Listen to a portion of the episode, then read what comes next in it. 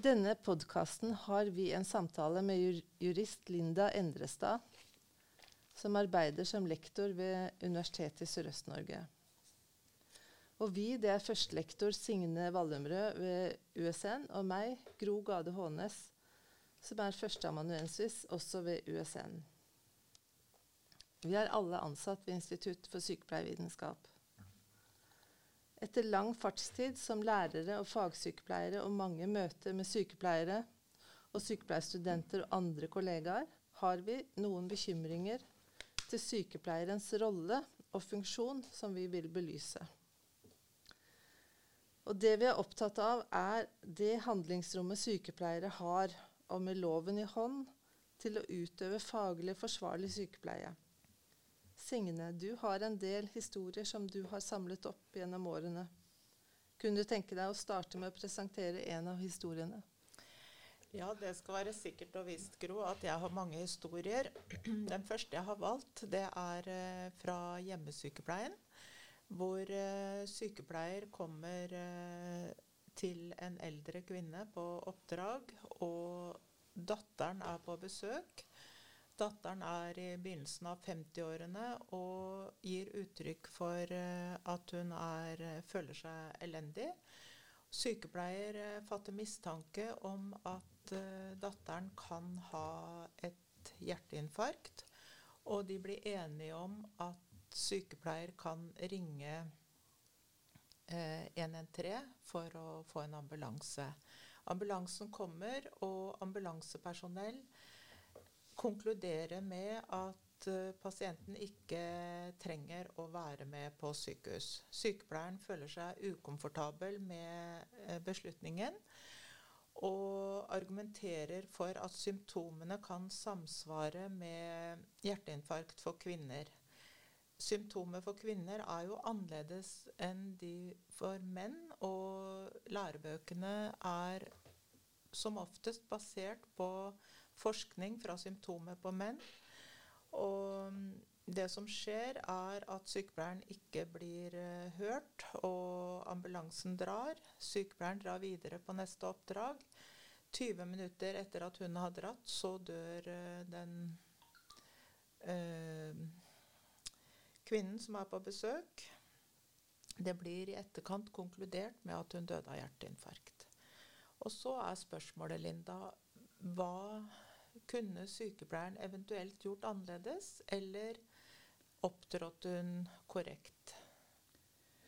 Uh, sykepleier har jo i den situasjonen en hjelpeplikt, selv om ikke det var hennes pasient hun var der for. Uh, det har hun etter helsepersonelloven i kraft av å ha sin autorisasjon. Så det vil jo gjelde uansett om hun var på jobb eller ikke. Uh, og det var jo riktig som hun gjorde ved at hun kontaktet ambulansen når ambulansen kommer, så er det i utgangspunktet ambulansen som skal ta stilling til eh, videre helsehjelp av pasienten. Um, når det er en sånn rød tur for ambulansetjenesten, så skal jo de avklare med lege på sykehuset dersom de ikke tar med seg pasienten. Så sånn sett, eh, hvis vi forutsetter her da at eh, ambulansetjenesten hadde gjort det, eh, så er det jo en lege som har tatt en beslutning her sånn om at pasienten ikke skal bli med. Eh, det er ikke så mye annet en sykepleier da vil kunne ha gjort. Eh, og en sykepleier som kommer i den situasjonen som jeg snakker om, kan vanskelig sies å ha gjort noe feil sånn rent juridisk.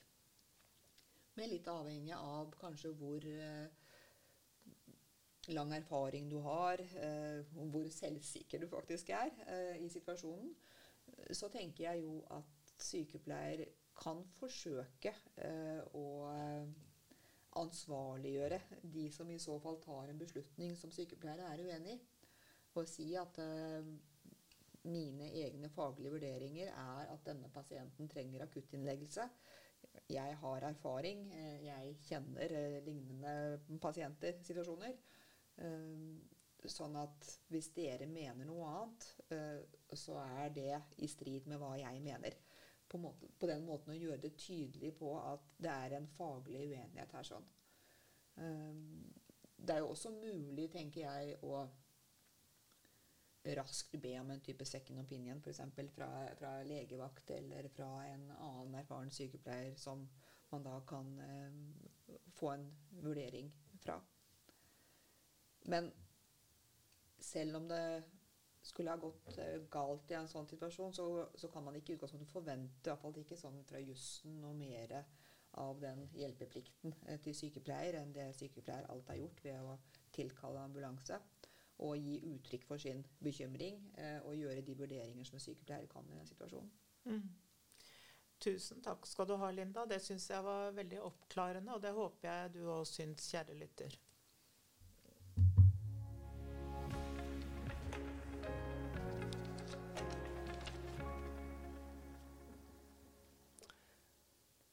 Hadde du en historie til, uh, Signe? Å ja da, jeg har en historie til. Og den neste historien er fra en uh, CAD-plass. en uh, kommunal akutt plass, hvor sykepleier møter en pasient, en kvinne i 40-årene, slutten av 40-årene, som igjen har symptomer som kan samsvare med et hjerteinfarkt. Legen eh, stiller en tentativ diagnose at det er eh, metastaser som er årsaken til symptomene, og forordner morfin. Sykepleier får i oppdrag å administrere dette og observere videre. Det gjør sykepleier, og etter noen omganger med morfin så eh, kontakter hun eh, legen og uttrykker sin bekymring. For morfin har ikke effekt, og hun er svært bekymret for om denne pasienten får rett helsehjelp på rett sted til rett tid. Hun mener at pasienten bør innlegges på sykehuset for å utredes om det kan være hjerteinfarkt eller noe annet. Legen eh, står på sitt og mener at man skal fortsette med morfin. Sykepleieren går av vakt og får vite senere at etter noen timer er pasienten død, og det viser seg i etterkant at igjen det var en kvinne som døde av hjerteinfarkt. Og da, Linda, så lurer jeg på Kunne sykepleieren gjort mer i den situasjonen? Igjen så blir det jo litt uh, av den samme vurderinga uh, som vi snakka om i forrige eksempelet. Og sykepleier som har eh, meldt fra til lege, eller bedt om en legevurdering, og legen tar en beslutning, da vil sykepleier neppe bli ansvarlig, i hvert fall ikke eh, som noe alvorlig avvik i en type tilsynssak eller lignende. Men det at man ikke blir juridisk ansvarlig, betyr jo ikke at man nødvendigvis eh, ikke ønsker seg et annet resultat. Eh, og sykepleier kan alltid gjøre noe mer, tenker jeg. Eh, igjen hvis du er erfaren, kompetent, opplever at du har en ganske god oversikt over situasjonen. Du vurderer pasienten annerledes. Så vil du jo sånn på et sånt sted som en sånn CAD-plass er, også kunne ha annet helsepersonell i nærheten som kan bidra til å gjøre en vurdering, de også. Mm. Eh, snakk med en annen sykepleier på stedet, en erfaren sykepleier gjør vurderinger sammen. Eh, er dere enig i eh, det som legene har vurdert? Eh, har legen undersøkt pasienten sjøl, er jo et poeng. Eller har det bare vært en telefonkontakt med legen? Dersom legen ikke har undersøkt pasienten sjøl, eller hvis pasienten har blitt dårligere etter at legen var der sånn, så kan det være grunnlag for en, ny vurdering av en lege. Eh, og eventuelt få en ambulanse for å kjøre pasienten til sykehuset. Eh, når eh, du kommer i en situasjon hvor pasienten dør fordi at man har for så vidt feildiagnostisert, sånn som legen her trodde at det var metastaser, og så var det et hjerteinfarkt, så vil virksomheten, altså kommunen i dette tilfellet, være ansvarlig for å sende en melding om dette dødsfallet. Eh, som da skal gå til, til, Helsetilsynet. Dersom feilen skjer på sykehuset, så vil det være sykehuset eh, som har dette ansvaret. Eller hvis det skjer i ambulansetjenesten. Er det sånn at den sykepleieren som vi snakker om da, har noe spesielt ansvar, eller Det er jo ikke sikkert at eh, det KAD-plass-sykepleieren eller sjefen der gjør noe på egen hånd. Nei, Det skal jo være en ved virksomheten som er ansvarlig for å melde fra om denne type hendelser. Eh, og det kan jo være nødvendig at eh, den som eh, er på posten, gir beskjed videre i systemet om feilen som har skjedd, og om dødsfallet. Mm. Kan vi spole tilbake til den vurderingen som ble gjort, og handlingsmulighetene for sykepleieren? Du sa at hun kunne kontakte legevaktslege. Så tenker jeg det kan jo få flere utfall, at legevaktslegen er enig eller uenig. Det samme hvis hun kontakter Altså hun skal da kontakte legevaktslege først, for det er jo knytta til legevakt. Men så sa du at hun kunne gå videre og kontakte ambulanse. Ja. Klart at det er situasjonen akutt.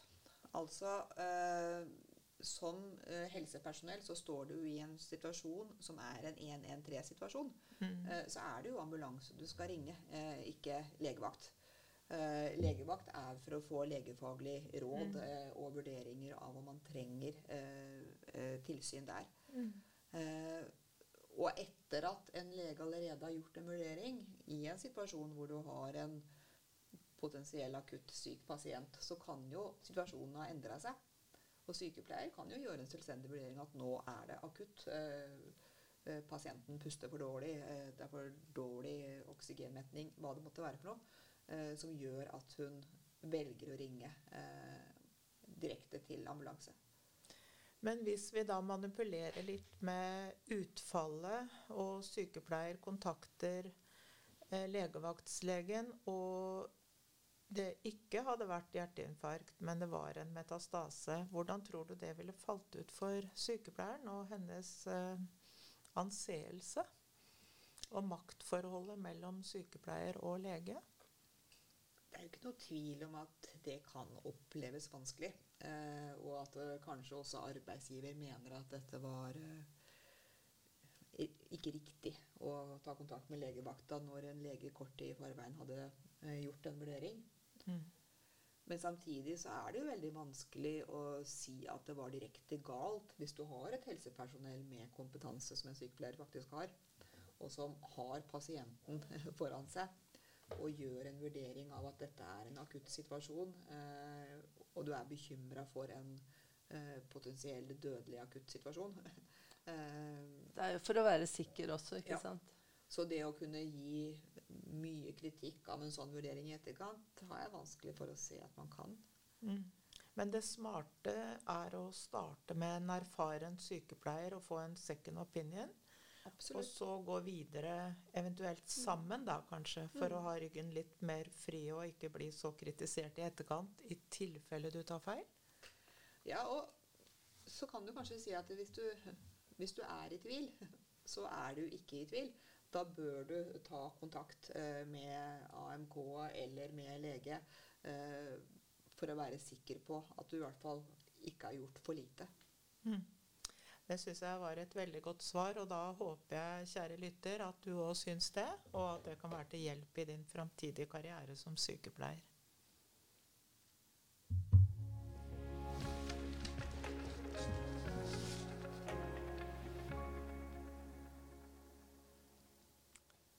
Signe, du hadde enda en, eh, et eksempel.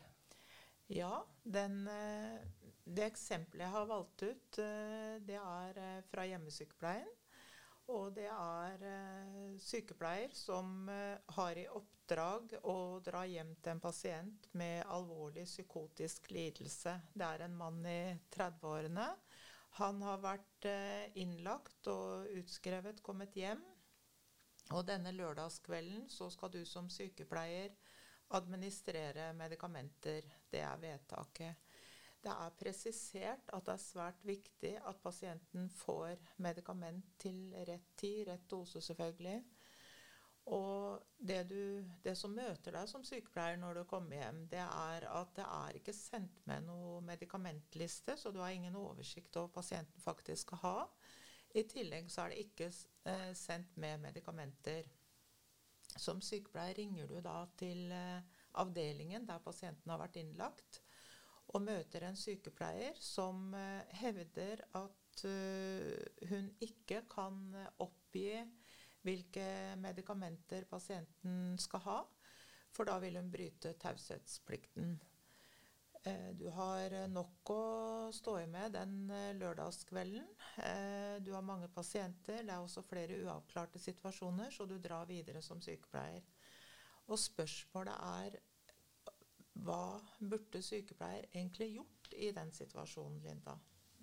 Ja, her er det jo flere ting eh, som eh, kommer nærmest samtidig.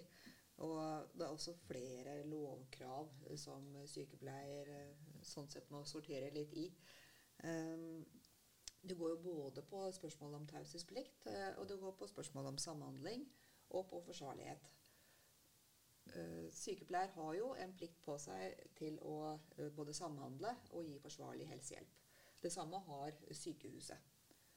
Så det som sykepleier da gjør, hvis du ikke vet hvilke medisiner pasienten skal ha, og du heller ikke har tilgang på noen medisiner, det er jo selvfølgelig å kontakte sykehuset, eh, som har eh, bedt om at hjemmesykepleien kommer eh, og følger opp videre.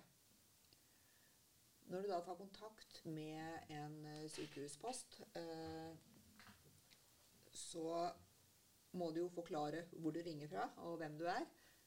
Hvis sykehuset da sier at de ikke kan gi deg informasjon, eh, så må jo de i så fall forklare hvorfor. Fordi helsepersonelloven gir anledning til å samhandle helsepersonell imellom. Det er helsepersonellovens paragraf 25. Altså at du skal gi så mye informasjon som er nødvendig eh, for at nestemann skal kunne gi forsvarlig helsehjelp. Det er ikke bare en rett du har, men du har også til dels en plikt eh, til å gi eh, informasjon videre for at neste eh, person eller instans skal kunne gi en forsvarlig helsehjelp. Um, på noen områder eh, så vil en pasient kunne nekte deg å samhandle eh, med annet helsepersonell. Men da må også helsepersonell ha anledning til å si at jeg kan ikke få gitt deg forsvarlig helsehjelp uten at jeg har tilstrekkelig med informasjon. Så da må du velge om du vil ha forsvarlig helsehjelp eh, eller ikke. Sånn som i dette tilfellet, hvis man tenker seg at pasienten ikke motsetter seg aktivt eh, en samhandling, så må det være tilstrekkelig at sykehuset eh, kan gjøre en kontroll av at det er hjemmesykepleien som ringer. Så hvis du ringer fra skjult nummer f.eks., så, så vil jo ikke det være så lett å kontrollere for, eh, for hjemmesykepleier. Eller for, eh, for uh, de ansatte på sykehuset. Men, men det er jo alltid mulig å, å, løse dette på en annen måte. Det går jo an på sykehuset å si at kan ikke jeg ringe pasienten, og så kan, jeg, kan du snakke med, med med meg via pasientens telefon, eller pasienten kan bekrefte at du er der. Eh, det er jo en mulighet. Mm. Eh, eller man kan få en kontroll f.eks. Med, med kommunen, at det er hjemmesykepleier som har dette nummeret. Mm. Så den praktiske løsningen bør være der, sånn tenker jeg, for å kunne kontrollere at det er rett person som ringer. Og hvis da sykehuset likevel sier at eh, nei, dette eh, kan jeg ikke gi informasjon om, så må i hvert fall hjemmesykepleien passe på å si at nei vel, da kan ikke jeg få gitt forsvarlige tjenester. Så da må dere registrere i journalen at jeg ikke får gitt medisiner til pasienten. Eh, for jeg har verken tilgang på medisinene eller en oversikt over hva pasienten skal ha av medisiner. Og så må dere på sykehuset gjøre en vurdering av om det er forsvarlig. Mm. Og at da f.eks. at hjemmesykepleien tar kontakt med, med, fastlegen på første virkedag og forklarer situasjonen. Men fram til første virkedag som man får kontakt med fastlegen, så må det være sykehuset som tar beslutningen på om det er forsvarlig å ikke gi medisiner eller ikke. Det syns jeg var veldig god rettledning eh, hvordan sykepleier kan gå fram for å ha ryggen fri eh, i en så utfordrende situasjon. Den pasienten her ble lagt inn senere, og det var en nabo som ringte. Og ble lagt inn eh, sent på morgenkvisten da, etter sykepleier hadde vært der. Men jeg tenker da, da kan sykepleier vite at hun har eh, gitt ansvaret til sykehuset, som ikke har gitt henne mulighet til å utføre oppdraget. Og du gir også tips til sykepleier på sykehuset hvordan hun kan gå fram for å forsikre seg om at hun ikke bryter taushetsplikten. Og det er en slags sånn misforståelse eh, som vi ofte ser, ikke minst innenfor eh, psykisk helse. Eh, det at helsepersonell ikke kan samhandle eller utveksle informasjon. Eh, ofte så er man av den oppfatning at man står fritt til å uh, utveksle informasjon innenfor en avdeling uh, i kommunen eller på sykehuset, men ikke utafor avdelingen eller med andre virksomheter. Det er ikke riktig innenfor helsetjenesten.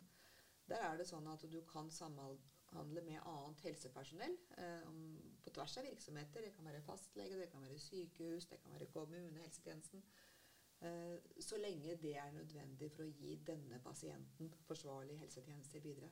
Mm. Så det er behovet til pasienten som skal være styrende for samhandlinga, eh, ikke eh, avdelingsgrenser. Godt å vite. Tusen takk, Linda. Det var veldig oppklarende, og det håper jeg også du syns, kjære lytter.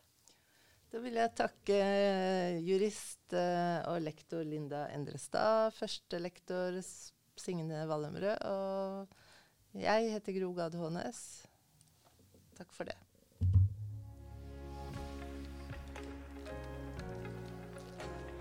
Nå er jeg spent. Dette var jo gøy. Ja. Jeg